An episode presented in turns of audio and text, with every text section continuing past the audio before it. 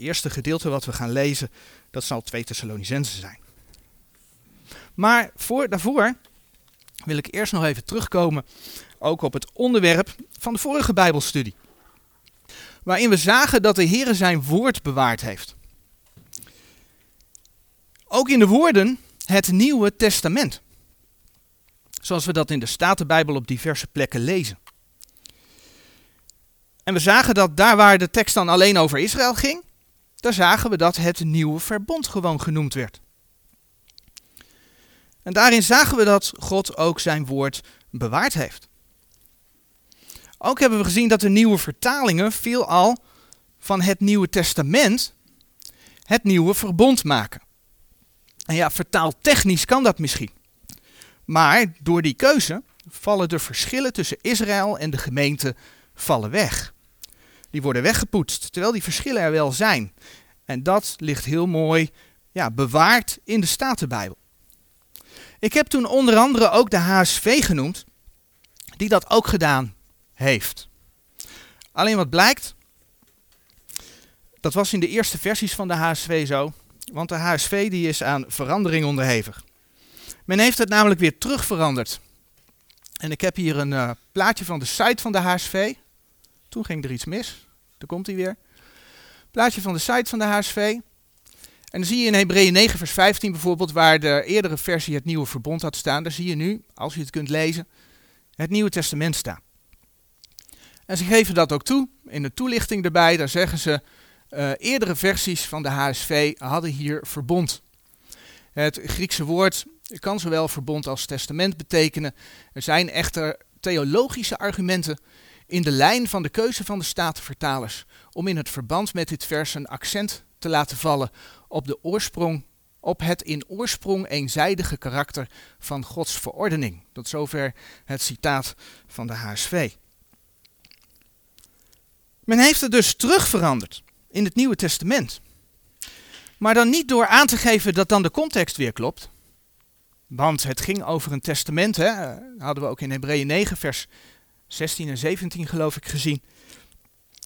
Dat het precies om een testament ging. Niet door aan te geven dat het ging om het vergoten bloed, hè, het sterven van de Heer Jezus en zijn vergoten bloed van ons. En dat dat daar dan weer mee in overeenstemming kwam. Nee, omdat er theologische argumenten zijn om het accent te laten vallen op het eenzijdige karakter van Gods ordening. Daarom. Maar zo zien we hoe theologen de baas denken te zijn over Gods woorden. En hoe de mensen, als zij niet weten dat de Heer zijn woorden voor ons bewaard heeft, eigenlijk slachtoffer zijn geworden van de willekeur van de Heere vertalers. Want als de theologische wind de ene kant op waait, dan staat er testament. En een paar jaar later, dan waait de theologische wind de andere kant op en dan staat er verbond. Hoezo? Gods woord is vast. De ene keer zus, de andere keer zo. Nou, dat wou ik nog even naar, uh, naar aanleiding van de vorige keer zeggen. Want er kan maar zo iemand zijn die in 2017 een HSV in handen krijgt na 2017 en zegt: hé, hey, Arjan had het over dat de HSV het veranderd heeft. Nou, dat hadden ze oorspronkelijk wel, maar uh, ze hebben het weer terug veranderd. Iets meer dan twee jaar geleden heb ik gesproken over het onderwerp die hem nu wederhoudt. En vandaag wil ik daar ook nog graag op ingaan. Maar dan onder het overkoepelende thema: wat maakt mij een Bijbelgelover? In 2 Thessalonicense 2, vers 3 en 7, daar staan twee hele moeilijke Bijbelversen. Ze zijn met name moeilijk omdat er een soort standaardleer ontstaan is, die veelal aangehangen wordt. Maar die standaardleer, die doet de Bijbeltekst geweld aan. Ik heb toen onder andere laten zien hoe de Schofield Study Bijbel met deze versen omgaat. En we zagen toen dat men eigenlijk alleen maar met nietszeggende woorden aankwam. En geen schriftbewijzen voor die uitleg had. Ze stonden er wel bij, maar als je die schriftbewijzen ging opzoeken, dan vond je niet waarom het in 2 Thessalonians 2 vers 7 over de Heilige Geest zou moeten gaan. Dat kon je daar niet in vinden. Het was een nietszeggende uitleg. Ik heb toen laten zien dat het helemaal niet nodig is om de Bijbeltekst geweld aan te doen. Sterker nog, we kunnen de Bijbeltekst gewoon lezen wat er staat. Alleen als je dat gaat doen, dan krijg je wel wat anders dan wat men algemeen in kringen die nog in de opname geloven, wat men daar dan beweert. En ik heb daar destijds best reacties op gehad. En heb er ook over nagedacht. Ik heb gezocht in Gods woord. Ik heb ook anderen erover gehoord. Het heeft mij extra bewijsmateriaal opgeleverd. En we gaan zo eerst een gedeelte lezen. En daarna zal ik uh, op hoofdlijnen herhalen wat ik toen besproken heb. En waarom in hoofdlijnen? Op de site staat het artikel die hem nu weerhoudt. En veel van de dingen uh, die toen dus besproken zijn, staan daar. Alleen die heb ik nodig om daar nu op verder te bouwen. Dus ik hoop het in hoofdlijnen te bespreken, alleen aan te vullen met nieuwe bewijzen. Zodat hopelijk ook de context van 2 Thessalonicense 2, vers 3 en 7 duidelijk wordt. En overigens hoop ik die studie op de site binnen niet al te lange tijd aan te passen met onder andere wat we vandaag gaan zien, maar met nog meer bewijzen. Want ik heb meerdere Bijbelteksten nagelopen en gekeken hoe dat nou zit. Dus ik hoop dat het binnen niet al te lange tijd ook op de site uitgebreider besproken wordt. En even voor de audio-opname, de site is dan www.bijbelengeloof.com. Nou, allereerst ga ik ervan uit dat het verschil tussen de dag des Heren en de dag van Christus duidelijk is. In het artikel op de site wordt daar heel uitgebreid op ingegaan. Ga ik vandaag niet doen. De Heere gebruikt in zijn woord niet voor niets twee verschillende termen. Al het, alhoewel het bij beide om een profetische dag gaat, wat dus al aangeeft dat het een periode van duizend jaar moet zijn, is er een verschil tussen de dag des Heren en uh, de dag van Christus. De dag des Heren, als je de profeten erop na gaat lezen, onder andere Jezaja 2 vers 6, 11, 12, 17 tot 21, Jezaja 13 vers 9 tot en met 11, Joel 1 en 2, maar ook in Openbaring 1 vers 10, dan zie je dat de dag des Heren begint aan het begin van de grote verdrukking, uitloopt op het duizendjarig vrederijk. De dag van Christus daarentegen begint ook met de grote verdrukking, alleen net nog iets eerder. De dag van Christus begint met de opname van de gemeente. En we hebben daar de, uh, toen onder andere 1 Korinthe 1 vers 7 en 8 en 2 Korinthe 1 vers 14 bij opgezocht. De dag van Christus openbaart eigenlijk datgene wat in het Oude Testament nog verborgen was. En eigenlijk dus het aspect van de gemeente met betrekking op die toekomst van die dag, van die profetische dag die dus in het Oude Testament de dag van de Here genoemd wordt. In het Nieuwe Testament kom je het ook tegen, in Openbaring 1 vers 10. Maar die dus met betrekking tot de gemeente iets eerder begint, want eerst wordt de gemeente opgenomen. En dat heeft eigenlijk ook met die dag te maken, want daarna gaat de grote verdrukking komen in het duizendjarig vrederijk. Dus dat verschil, dat is van belang. Maar laten we dan nu eerst lezen 2 Thessalonicense 2, vers 1 tot en met 12. En wij bidden u, broeders, door de toekomst van onze Heer Jezus Christus en onze toevergadering tot Hem, dat gij niet haastelijk bewogen wordt van verstand of verschrikt, noch door geest, noch door woord, noch door zendbrief, als van ons geschreven, alsof de dag van Christus aanstaande waren. Dat u niemand verleiden in enigerlei wijze, want die komt niet. En die, dat verwijst natuurlijk naar het vorige vers, de dag van Christus. Dat gaat dus niet over de grote verdrukking. De dag van Christus gaat voor ons over de opname van de gemeente. Want de dag van Christus komt niet. Tenzij dat eerst de afval gekomen is en dat geopenbaard is de mens der zonde, de zoon des verderfs die zich tegengesteld en verheft boven al wat God genaamd of als God geëerd wordt, alzo dat hij in de tempel Gods als een God zal zitten, zichzelf vertonende dat hij God is. Gedenkt gij niet dat ik nog bij u zijnde u deze dingen gezegd heb? En nu wat hem wederhoudt, weet gij, opdat hij geopenbaard worden te zijner eigen tijd. Want de verborgenheid der ongerechtigheid wordt al reden gewrocht. Alleenlijk die hem nu wederhoudt, die zal hem wederhouden, totdat hij uit het midden zal weggedaan worden. En als dan zal de ongerechtige geopenbaard worden, de welke de Heere verdoen zal door de geest zijns monds, en te niet maken door de verschijning zijner toekomst. Hem zeg ik, wiens toekomst is naar de werking des Satans, in alle kracht en tekenen en wonderen der leugen. En in alle verleiding der onrechtvaardigheid in degenen die verloren gaan, daarvoor dat zij de liefde der waarheid niet aangenomen hebben om zalig te worden. En daarom zal God hun zenden een kracht der dwaling, dat zij de leugen zouden geloven, opdat zij alle veroordeeld worden, die de waarheid niet geloofd hebben, maar een welbehagen hebben gehad in de ongerechtigheid.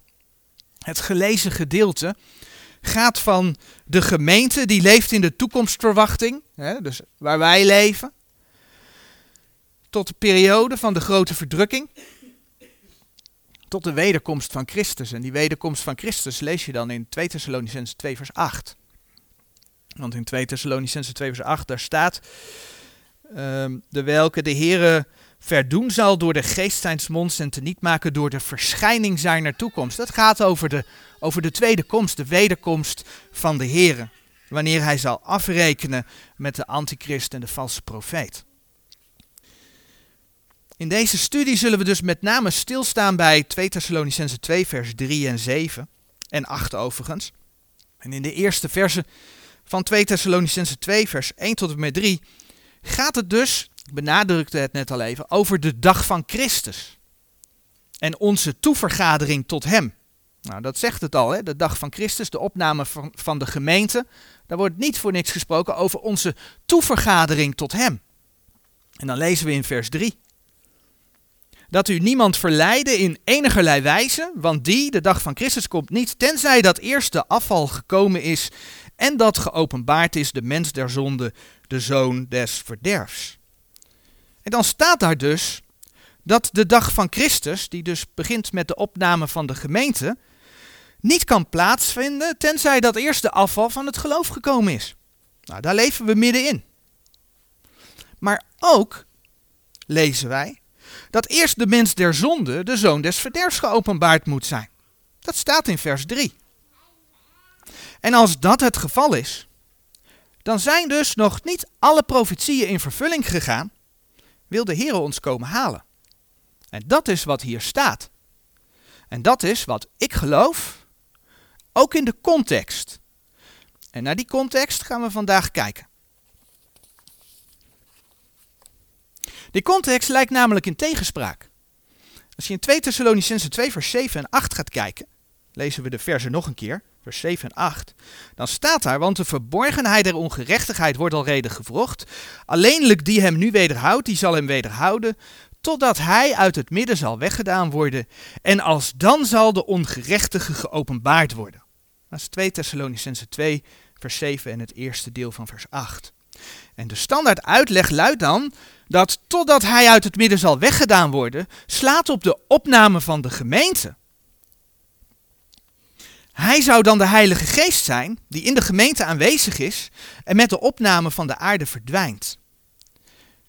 En dan lees je dus dat als dat de opname is, dat in 2 Thessalonicense 2 vers 7, dus eerst de gemeente weg moet zijn en dan zal de ongerechtige geopenbaard worden. Dat lijkt dus 2 Thessalonicense 2 vers 3 tegen te spreken, waar staat dat de dag van Christus niet kan komen, tenzij dat eerst de antichrist geopenbaard is. Dat lijkt elkaar tegen te spreken. Als je van die standaard uitleg uitgaat, spreekt het elkaar dus tegen. Daarom zijn er velen die vinden dat de eerste verse, 2 Thessalonicense 2 vers 1 tot en met 3, veranderd moeten worden.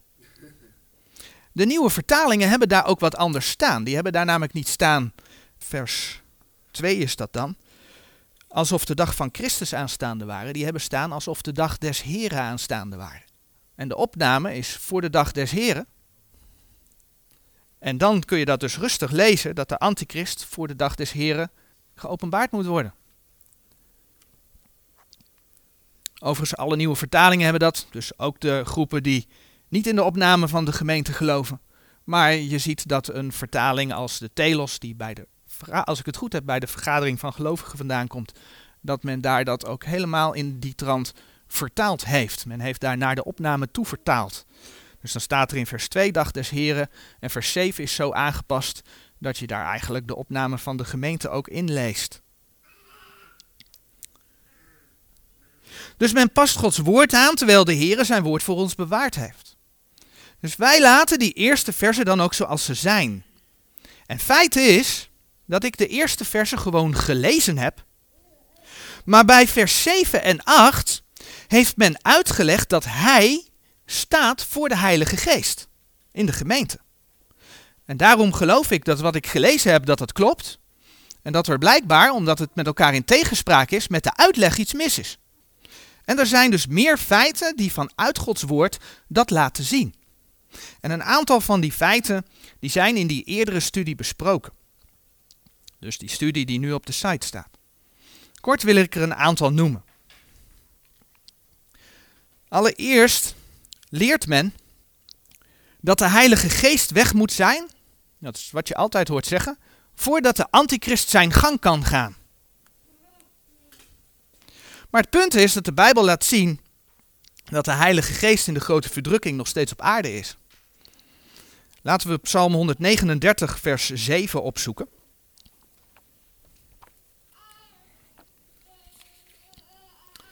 Psalm 139, vers 7 en 8. Die laten namelijk zien dat de Heer met zijn geest alom tegenwoordig is. En dan lezen we in Psalm 139, vers 7 en 8. Waar zou ik heen gaan voor uw geest?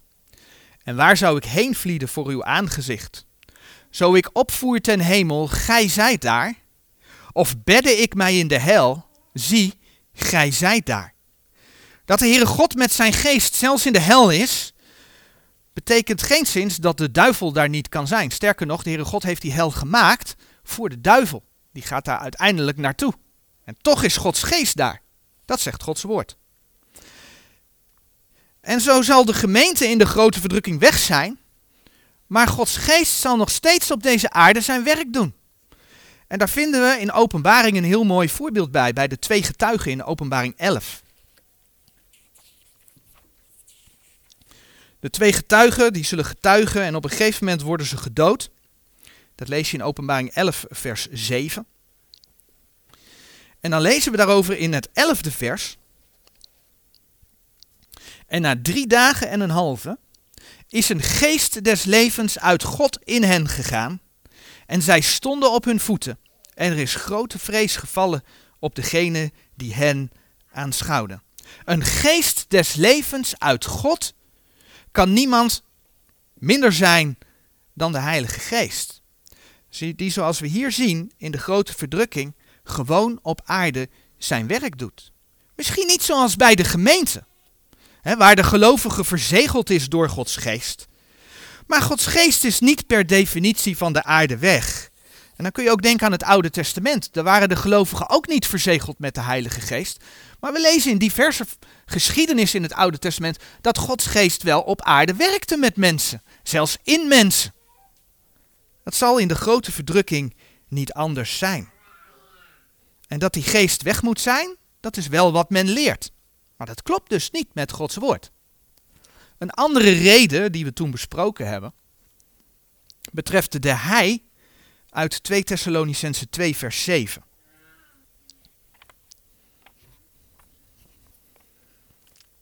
Als de hij in 2 Thessalonicense 2 vers 7 de Heilige Geest is, dan staat er dus dat de Heilige Geest uit het midden weggedaan wordt. Nou, uit het midden kan niet slaan op de gemeente.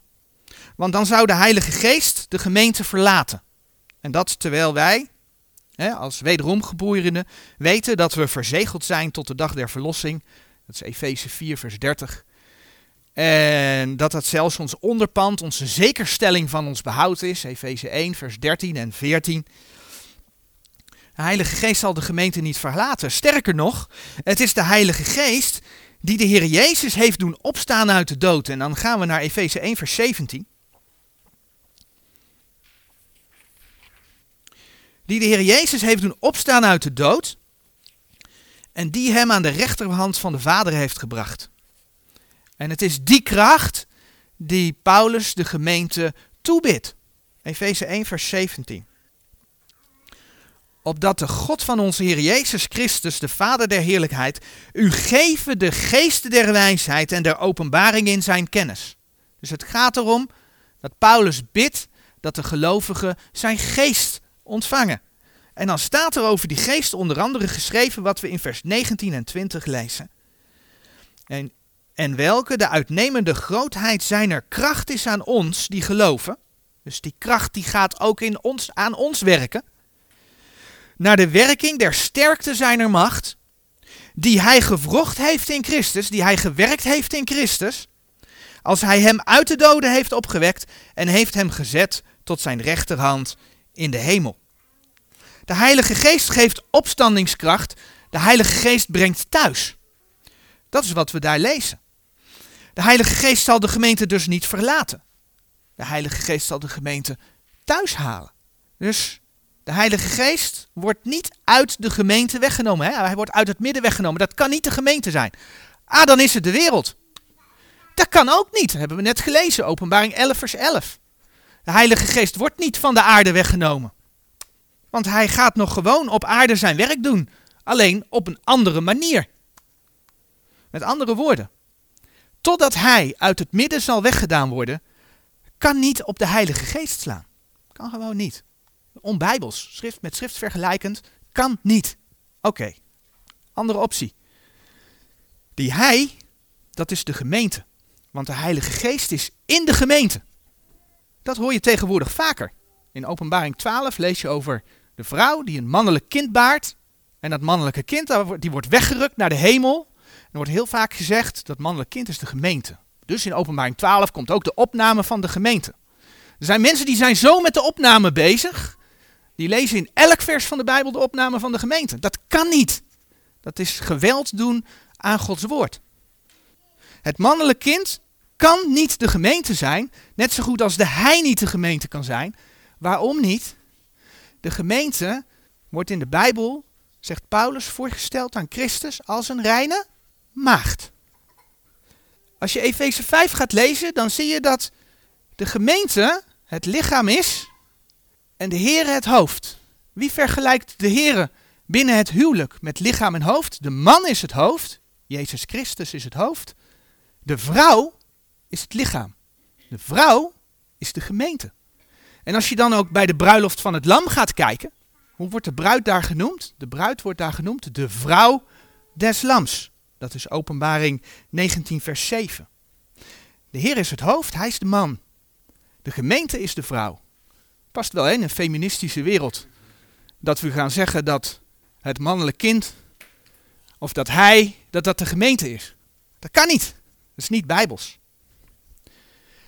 Al deze bijbelse feiten onderstrepen dus dat de standaard uitleg bij 2 Thessalonicense 2 vers 7 en 8 niet klopt.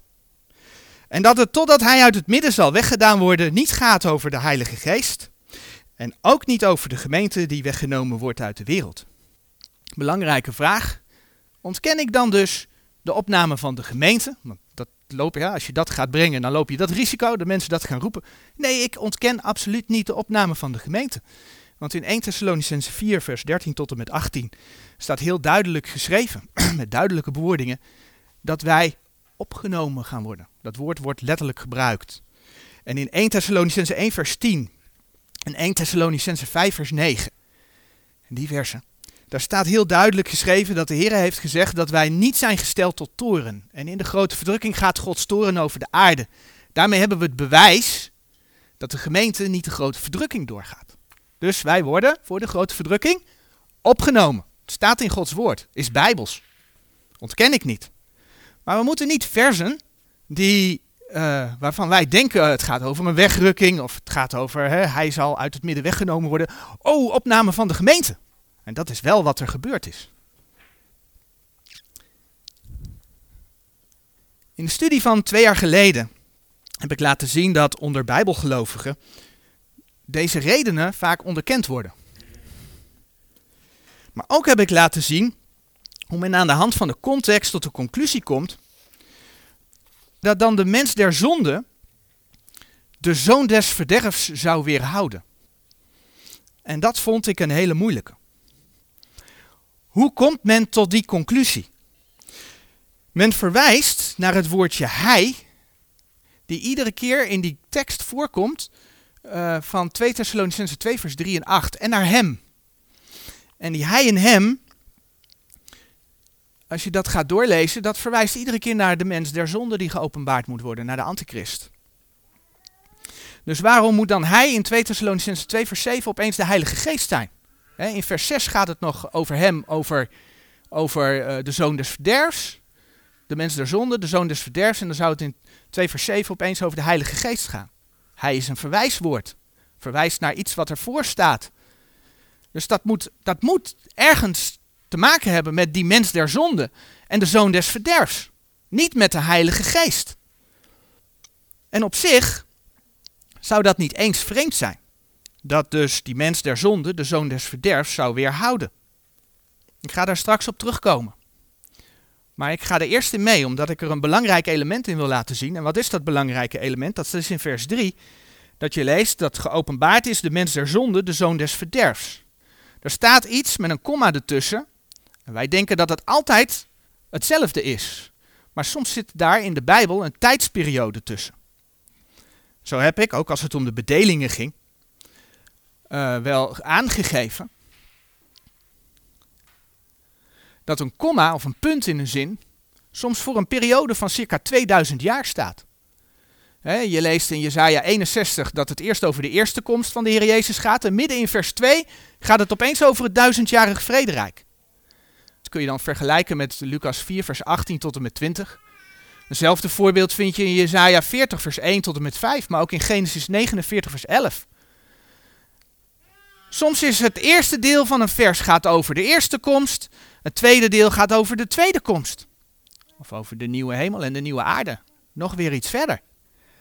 Een komma kan dus staan voor een tijdsperiode van 2000 jaar.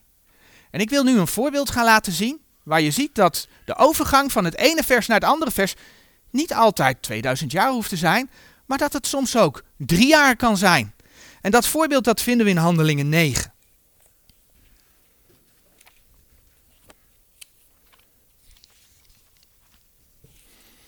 Handelingen 9 vanaf vers 19. In Handelingen 9, daar lezen we over de bekering van Saulus. En daar lezen we dat hij na zijn bekering, in Handelingen 9, vers 20, predikte terstond Christus in de synagoge. Dus Paulus was bekeerd en hij ging meteen prediken. En dan lees je in vers 23 dat de Joden hem willen ombrengen. Maar Paulus die ontkomt in vers 25. En vervolgens is het of hij direct naar Jeruzalem is gegaan. want in vers 25 lees je dat hij ontkomt in een mand.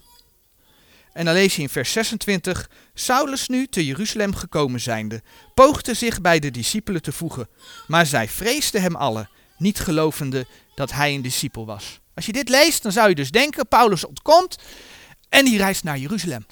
Maar dat is niet zo. Kijk maar in Galaten 1. Als je Galaten 1 erbij pakt, blijkt namelijk dat Paulus eerst drie jaar naar Arabië is geweest. Waarom naar Arabië? Als je Galaten 4 vers 25 zou opzoeken, in Arabië was de berg des Heren. Paulus is dus, hoogstwaarschijnlijk, want dat staat niet in Galaten 1, maar aangezien de berg des Heren in Arabië is, Paulus is waarschijnlijk naar de berg des Heren gegaan. Net zo goed als Mozes op de berg des Heren de wet ontving.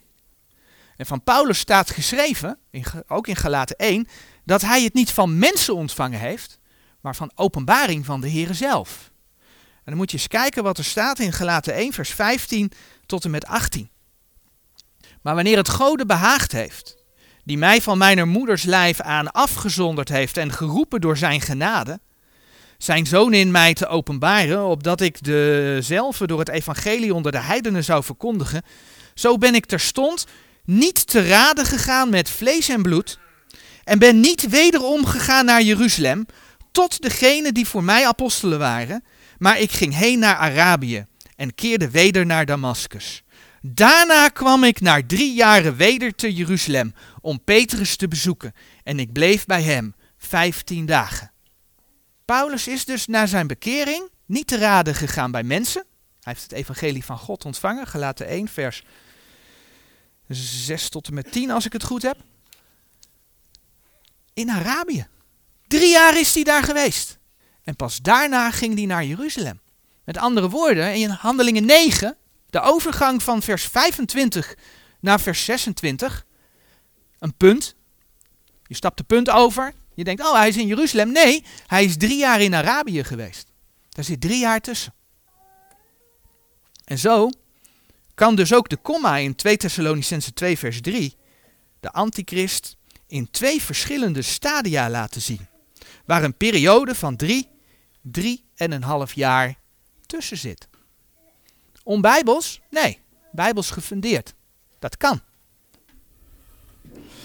En is het vreemd dat ik spreek over dat die antichrist zich in twee stadia openbaart? Nee, dat is ook niet vreemd. Want die antichrist openbaart zich in twee stadia. Eerst komt hij als een soort vredevorst. Laten we Daniel 11 erbij pakken.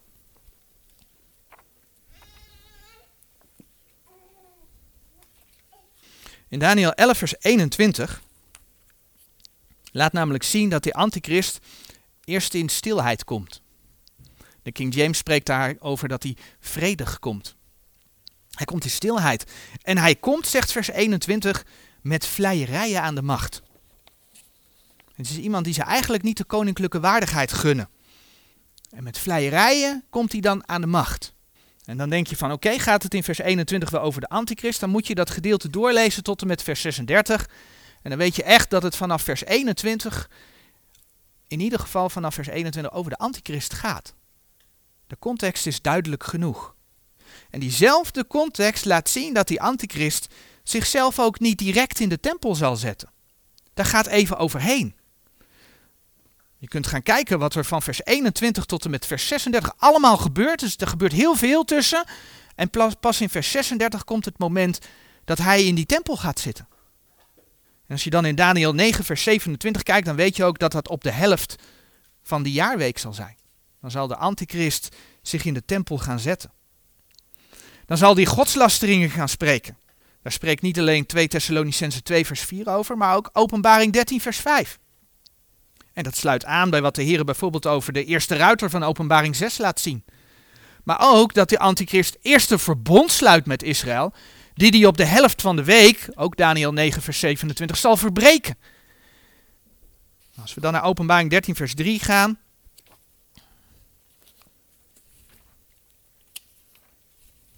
Daar lezen we dan. En ik zag een van zijn hoofden als tot de dood gewond, en zijn dodelijke wond werd genezen, en de gehele aarde verwonderde zich achter het beest. In de profeten lezen we dat de antichrist dan ook aan zijn rechteroog blind zal zijn. Er staat ook iets over zijn rechterarm geschreven, Zacharia 11, vers 17. De antichrist, de mens der zonde, wordt dus dodelijk getroffen, waarvan hij geneest, al dan niet opstaat uit de dood. En dat is ook het moment, openbaring 12, dat de Satan op aarde geworpen gaat worden. En Israël zal gaan vluchten. En door de Here bewaard gaat worden. Het moment dat dat verbond uh, verbroken wordt. Dan is er letterlijk sprake van de vleesgeworden Satan, de zoon des verderfs. En de zoon des verderfs wijst dan ook naar de koning van de afgrond die volgens openbaring 9 vers 11 de naam Abaddon of Apollyon heeft, wat beide verderver betekent. Wat tot uiting komt in hetgeen wat die persoon allemaal op deze aarde gaat doen. Dus dat de antichrist zich tweeledig openbaart, is niet vreemd. Dat is gewoon heel bijbels. Dat daar drieënhalf jaar tussen zit, is ook niet vreemd. De Bijbel laat zelfs zien dat dat op de helft van de jaarweek gaat daar een verandering plaatsvinden. En dat kan dus tot uiting komen in een komma. En ook voor 2 Thessalonicense 2 vers 7 en 8 is er een oplossing. En jullie zien het niet, maar ik heb die oplossing op mijn papier tussen quotejes gezet. Want eigenlijk is het geen oplossing, het is gewoon lezen. Alleen lezen zonder de voorgeprogrammeerde optie dat... Uh, zonder de optie dat totdat hij uit het midden zal weggedaan worden, de opname van de gemeente is. Maar dat is heel moeilijk. Want we hebben het altijd gehoord, want in de meeste kringen wordt dat zo geleerd. Eigenlijk is het dus geen oplossing, het is gewoon lezen wat er staat. En ik zelf vind het eigenlijk zo eenvoudig dat ik denk van dat ik dat niet eerder zo gelezen heb. Maar we krijgen allemaal dingen mee uit het verleden. Dingen die we gehoord hebben en die normaal gevonden worden. Maar als je dus al die dingen op een rijtje zet, dan heb je dus eigenlijk gewoon de Bijbelse oplossing voor 2 Thessalonicense 2 vers 7 en 8. Waardoor je de tekst gewoon kunt lezen. De hij die uit het midden weggedaan wordt, is de mens der zonde. En uit het midden is dan ook gewoon letterlijk uit het midden van de grote verdrukking. De mens der zonde die sterft, die wordt weggenomen uit die grote verdrukking. En die komt terug als de zoon des verderfs. Hij wordt weggenomen uit het midden van de grote verdrukking. Ook dat klopt letterlijk. En pas als dat gebeurd is, kom je bij 2 Thessalonicense 2 vers 8, kan de ongerechtige geopenbaard worden. En dan moet dus de ongerechtige staan voor de zoon des verderfs. Heb ik daar meer bewijzen voor? Nee, heb ik niet. Maar ik weet wel dat de uitleg die ik hier heb laten zien volledig gebaseerd is op grond van Gods woord. En dat die standaard uitleg aan alle kanten nou niet eens wankelt. Het kan gewoon niet om de Heilige Geest zijn die, opgenomen, die, die de gemeente opneemt van de aarde. Schrift met schrift vergelijkend kan het niet. Maar dan het vervolg. Klopt het dat men dan zegt dat vervolgens de mens der zonde de zoon des verderfs weerhoudt? Klopt dat? Het weerhouden heeft iets actiefs in zich. En dan is dus de vraag: zou de vijand van God zichzelf weerhouden? Kan hij dat überhaupt? Kan hij zichzelf weerhouden? Daarom heb ik verder gezocht. Toen de tijd al, maar ik heb er nog een bewijs bij gevonden. Maar ik snap wel dat men tot die gedachte is gekomen. Waarom snap ik het? In de King James Version staat namelijk bij het zinsdeel die hem nu weerhoudt, ook het woordje hij. Hij die weerhoudt. En als je het hij in de hele context doortrekt, dan denk je dus dat het allemaal over de mens der zonde gaat. Het mooie is dat de Statenbijbel net een andere woordcombinatie heeft. Die spreekt niet over hij, maar die spreekt over die hem nu weerhoudt. En die die hem nu weerhoudt, hoeft dus niet dezelfde de hij te zijn als de zoon des verderfs. En ik geloof dus dat het bij die hem nu weerhoudt om een andere hij gaat. En dat dat eigenlijk een hij is met hoofdletter. Die met hoofdletter. Namelijk de Heere God. De Heere God weerhoudt. Waarom is het de Heere God die weerhoudt? Laten we prediker opzoeken. Omdat hij alle dingen in zijn handen heeft. Het antwoord is eigenlijk gewoon zo simpel. Niets gaat buiten hem om. Prediker 3.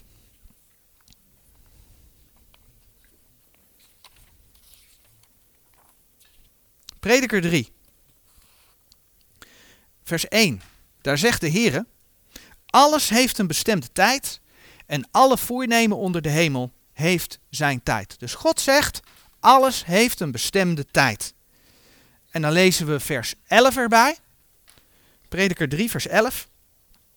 En dan lezen we daar. Hij heeft ieder ding schoon gemaakt op zijn tijd. Ook heeft hij de eeuw in hun hart gelegd.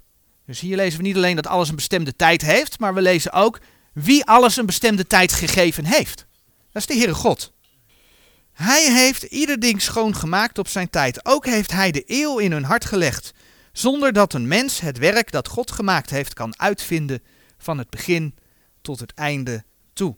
En eigenlijk is daarmee het antwoord gegeven, maar toch nog de vraag, wie bepaalt de tijd?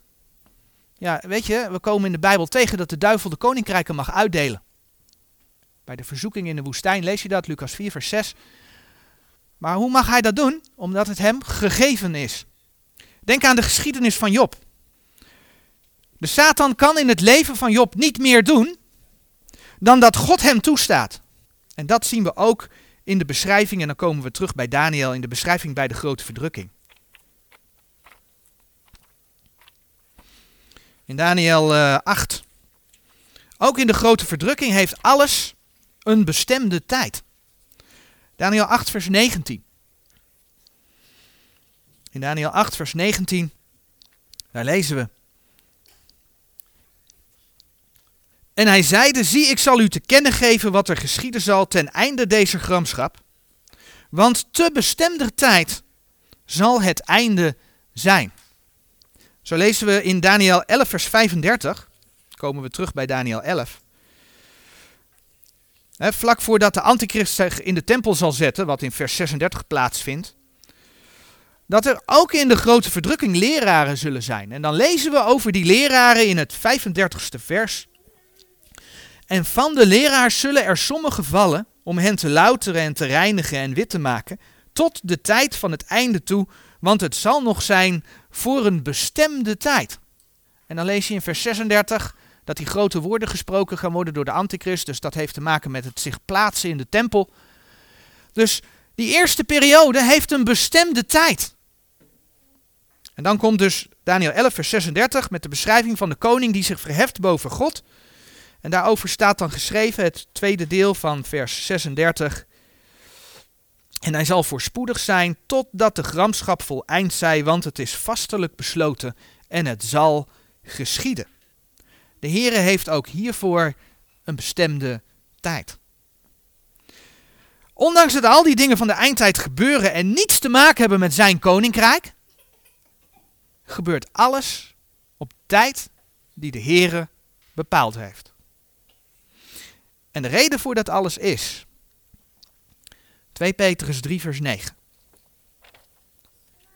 Tekst die heb ik wel vaker aangehaald. De reden voor dit alles is 2 Petrus 3 vers 9. De Heere vertraagt de belofte niet, gelijk enige dat traagheid achten. Maar is langmoedig over ons, hij is geduldig over ons, niet willende dat enige verloren gaan, maar dat zij alle tot bekering komen.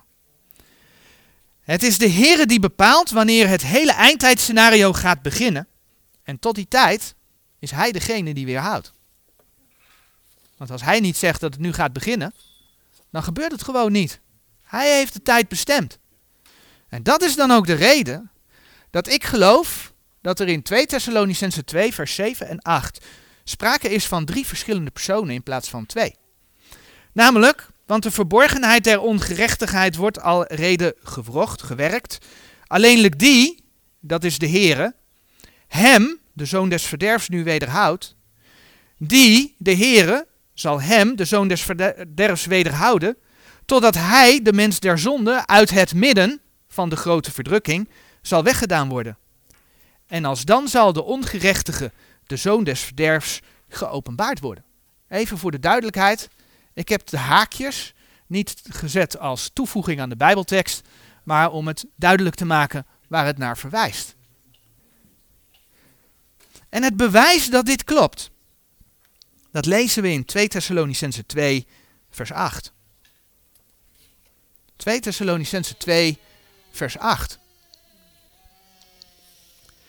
Daar staat namelijk geschreven, en als dan zal de ongerechtige, de zoon des verderfs, geopenbaard worden, de welke de Heere verdoen zal door de geest zijns monds en te niet maken door de verschijning zijner toekomst. Dit is een beschrijving van wat plaats gaat vinden aan het einde van de grote verdrukking. In Openbaring 19, vers 15. Openbaring 19, vers 15. Daar lezen we.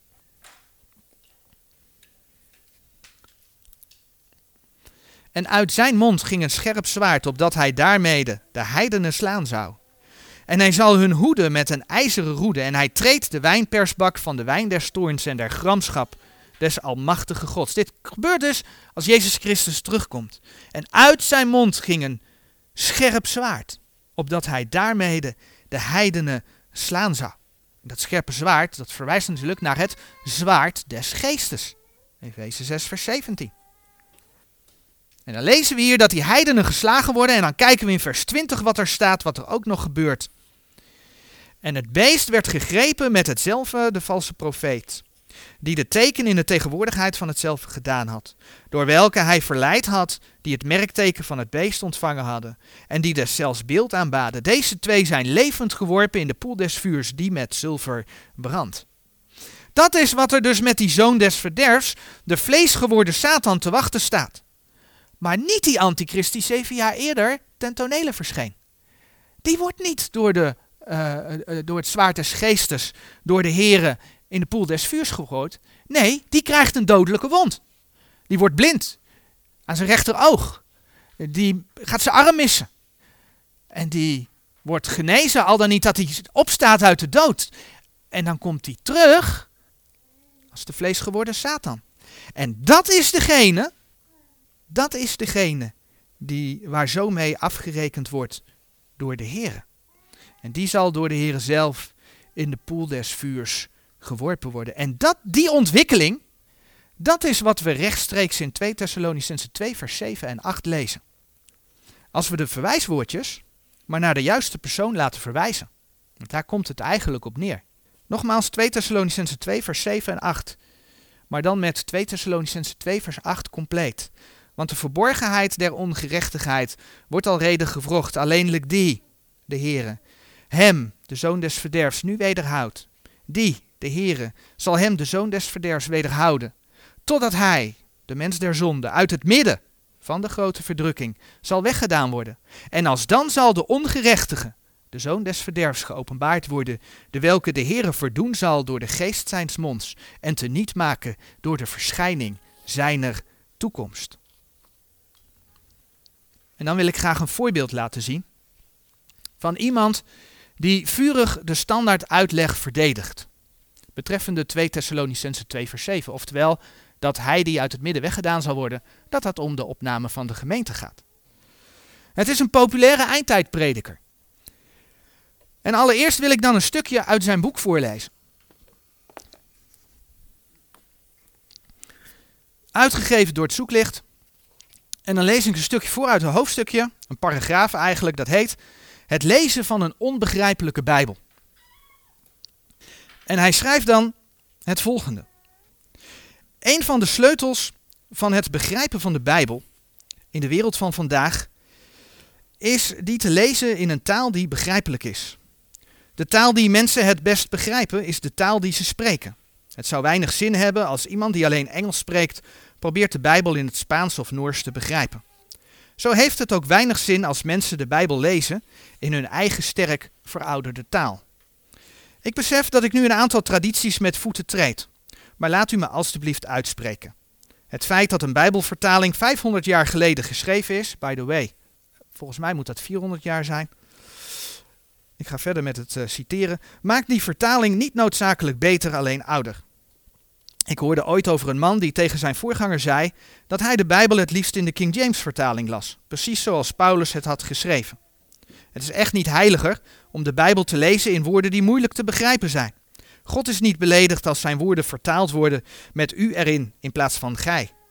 Er zijn tegenwoordig veel uitstekende Engelse, New King James Version, ESV, CSB en, uh, New American Standard Bible, maar ook Nederlandse, HSV, NBG, NBV, Bijbelvertalingen die teruggaan op het oorspronkelijk Hebreeuws en Grieks. Er is geen reden waarom je eerst de betekenis van de woorden moet zien te begrijpen voordat je ze kunt interpreteren. Maar goed, als u graag een eeuwenoude vertaling leest en daaraan gewend bent, is dat natuurlijk prima. Is dat natuurlijk prima. Het gaat mij erom dat u een Bijbeluitgave vindt die past bij de manier waarop u leert en die zo vertaald is dat u geboeid de Bijbel blijft lezen en bestuderen. Tot zover het citaat van die uh, eindtijdprediker. We zien hier dat deze eindtijdprediker logend dat de Heer zijn woord bewaard heeft. Waarom zou een oude vertaling beter zijn? Het gaat er echt niet om dat gij nu door u wordt weergegeven. De reden om bij een oude vertaling te blijven is omdat deze uit een andere bron vertaald is. De bron van de oude vertalingen is anders dan de bron van de nieuwe vertalingen. Andere Hebreeuwse en Griekse geschriften liggen eraan ten grondslag. Omdat er in die bronnen van de oude vertalingen geen filosofie met de schrift vermengd is, zijn er geen woorden, geen halve versen, geen hele versen uit de schrift verwijderd of eraan toegevoegd. En doordat er vermenging heeft plaatsgevonden, sorry, de vermenging niet heeft plaatsgevonden, zijn er geen boeken, hele boeken, toegevoegd aan de schrift. De apocryfe boeken komen namelijk uit die bron. Het gaat dus om veel meer. Allemaal redenen om voor het Nederland dan bij die oude Statenbijbel te blijven. Maar misschien nog wel op de eerste plaats omdat de Heer laat zien in zijn woord dat er wel degelijk een traceerbaar spoor van vervalsing is. Die wij dan vinden in de nieuwe vertalingen. Omdat de Heer beloofd heeft zijn woord te bewaren. Hè, Psalm 12, vers 7 en 8. En omdat de Heer ons een opdracht geeft. Deuteronomium 4, vers 2, Spreuken 30, vers 6, Openbaring 22, vers 18 en 19. Je kunt ze allemaal opzoeken. Voeg niet aan mijn woorden toe en haal er niet van af. Dat hebben wij als opdracht gekregen. Daar loopt deze prediker allemaal gewoon aan voorbij. Sterker nog, hij beveelt je aan om een vertaling te kiezen waar jij goed bij leert. Waar jij geboeid door blijft lezen en het blijft bestuderen. Dus uiteindelijk geeft hij als advies: zoek iets uit waar jij je lekker bij voelt. En in deze wereld moet je juist heel erg voorzichtig zijn met je gevoel. Je gevoel kan je namelijk flink bedriegen. Nou, het is deze prediker. We weten hoe hij denkt over het bewaren van Gods woord. We weten nu hoe hij dat ziet. En deze prediker verdedigt dus die standaard uitleg onomwonden. En daarbij citeert hij ook Grieks en Hebreeuws. En hoe hij Grieks en Hebreeuws citeert, dat zou je moeten laten zien hoe er met Gods woord omgegaan wordt. En dat wil ik graag in een kleine video laten zien. Wat we in de video zien gebeuren, is dat deze eindtijdprediker de tekst 1 Johannes 4 vers 4, en ik heb hem hier op de, op de dia gezet, uh, als bewijs gebruikt. Hij heeft het onderzocht en hij is bij 1 Johannes 4 vers 4 uitgekomen. Want daar staat geschreven dat de Heilige Geest in ons is. Overigens een populaire tekst onder veel Pinkster- en charismatische gelovigen, waarmee men er vaak aan voorbij gaat dat de gelovige de Heilige Geest ook kan uitblussen en dat er zelfs een andere geest in de gelovige kan komen. Je zou 1 eh, Thessalonicense 5 vers 19 en 2 Korinthe 11 vers 4 daarbij kunnen opzoeken, maar dat is een ander onderwerp. Daar gaan we nu niet op in. In deze tekst staat dus, kinderkens, gij zijt uit God en hebt hen overwonnen, want hij is meerder die, en daar staat dus in het Grieks ho, in u is, dan die in de wereld is. In de Statenbijbel staat nogmaals 2 Thessalonicense 2 vers 7 het volgende, want verborgenheid der ongerechtigheid wordt al reden gevocht, alleenlijk die, daar staat dus in het ook, Grieks ook ho, hem nu wederhoudt, die zal hem wederhouden totdat hij uit het midden zal weggedaan worden. En dan gaat het nu even om die hem nu wederhoudt. De King James heeft daar staan, hij die weerhoudt. En dan wordt er dus gezegd dat hij die weerhoudt, hij die nu weerhoudt, dezelfde is dan hij is meerder die in u is. Met een woordgrapje in diverse talen weet hij dan de hele zaal aan het lachen te brengen. Maar geeft daarmee wel de indruk dat hij de Griekse grondtekst, want dat is heel belangrijk tegenwoordig, aan zijn zijde heeft. Voor wat hij beweert.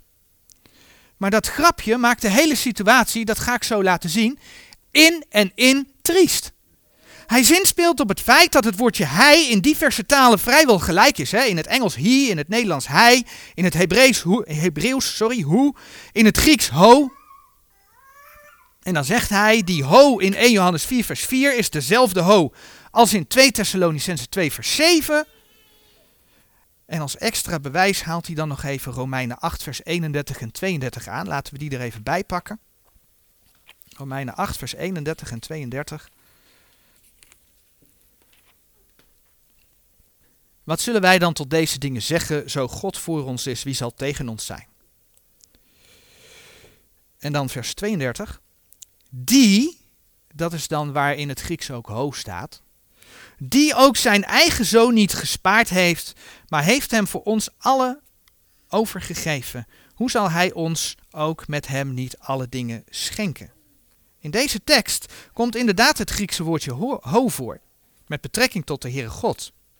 En dan zegt hij dus aanvullend, hij, hi, hoe, ho, is dezelfde.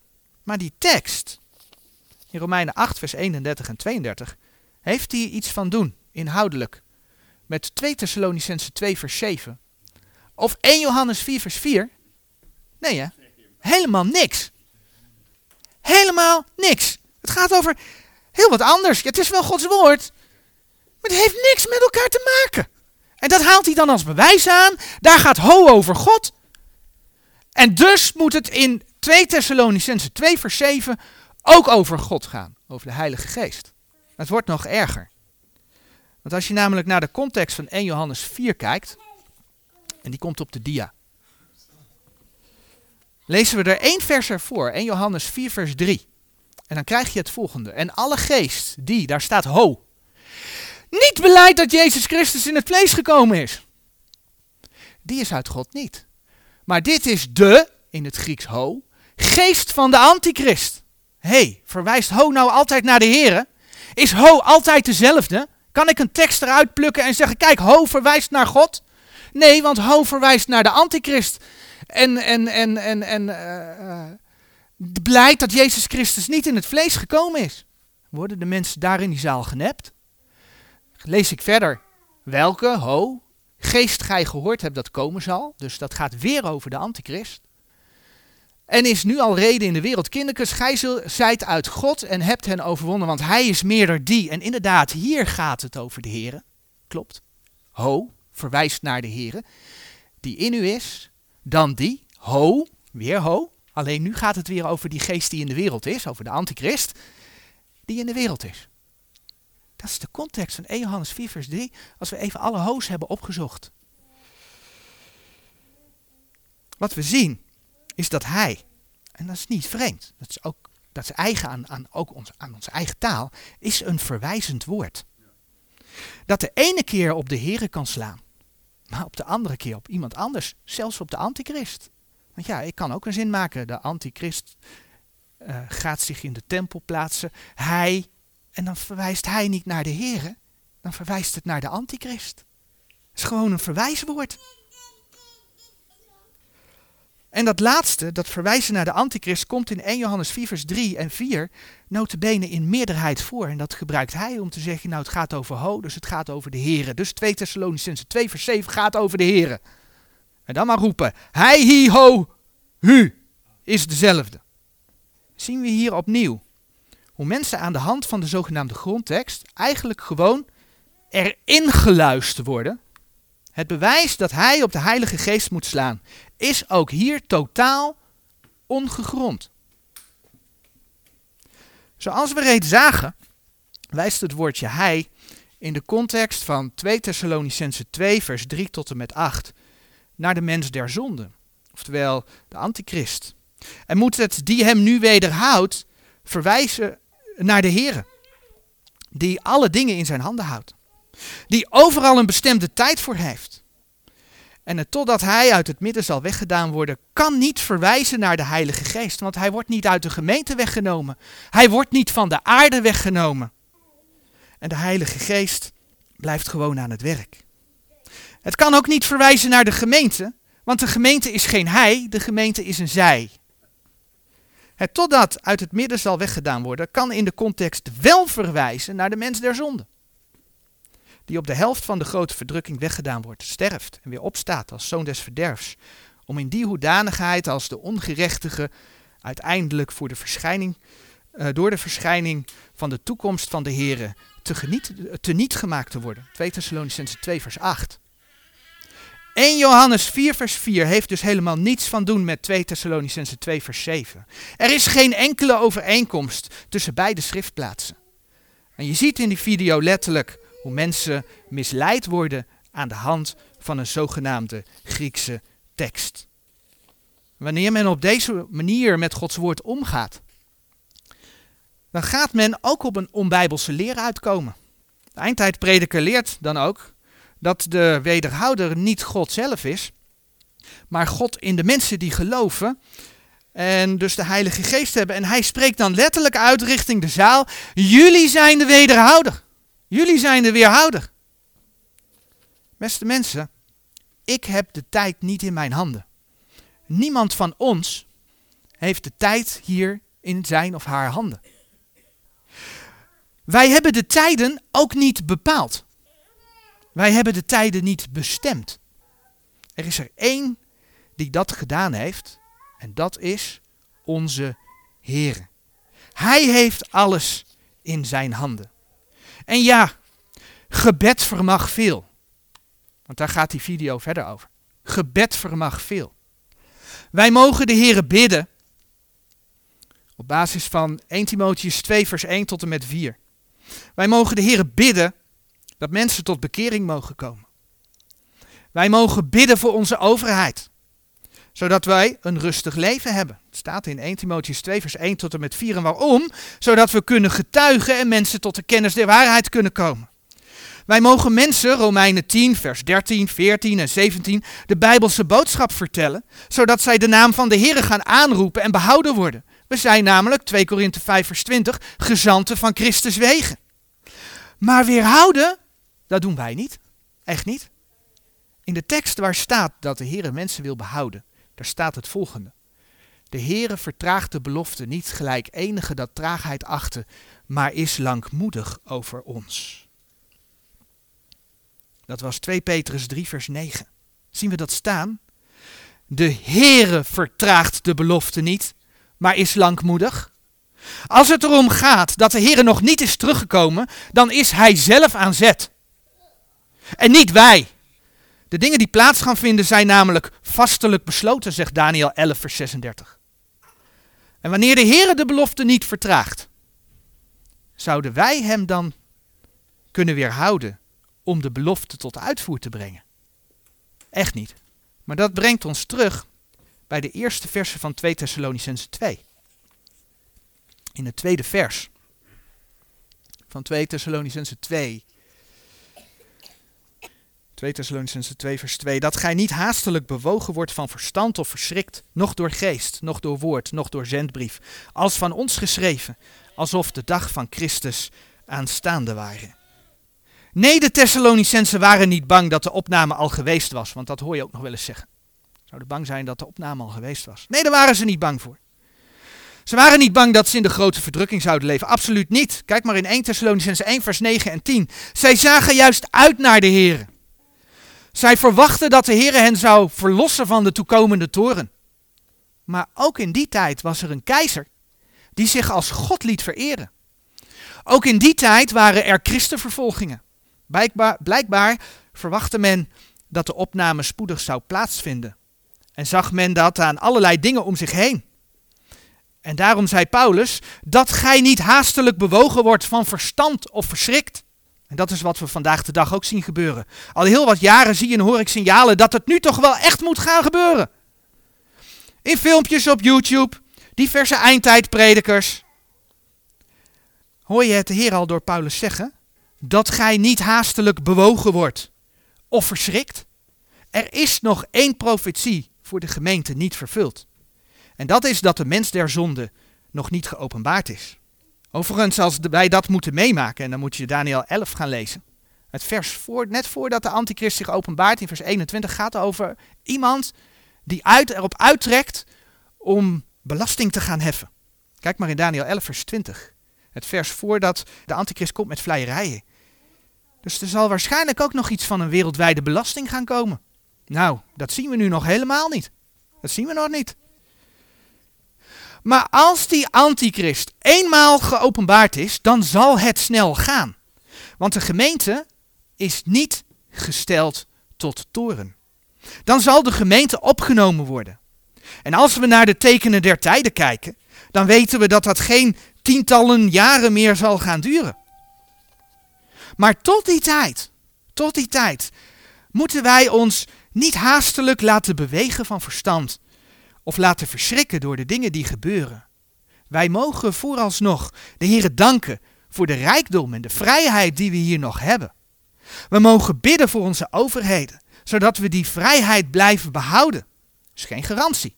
We mogen ervoor bidden. Op dat zegt Gods woord, wij zijn woord kunnen verspreiden en mensen over hem kunnen vertellen. Want de Heer wil, 2 Petrus 3 vers 9, niet dat er enige verloren gaan, maar dat zij alle tot bekering komen. Tot zover voor vandaag.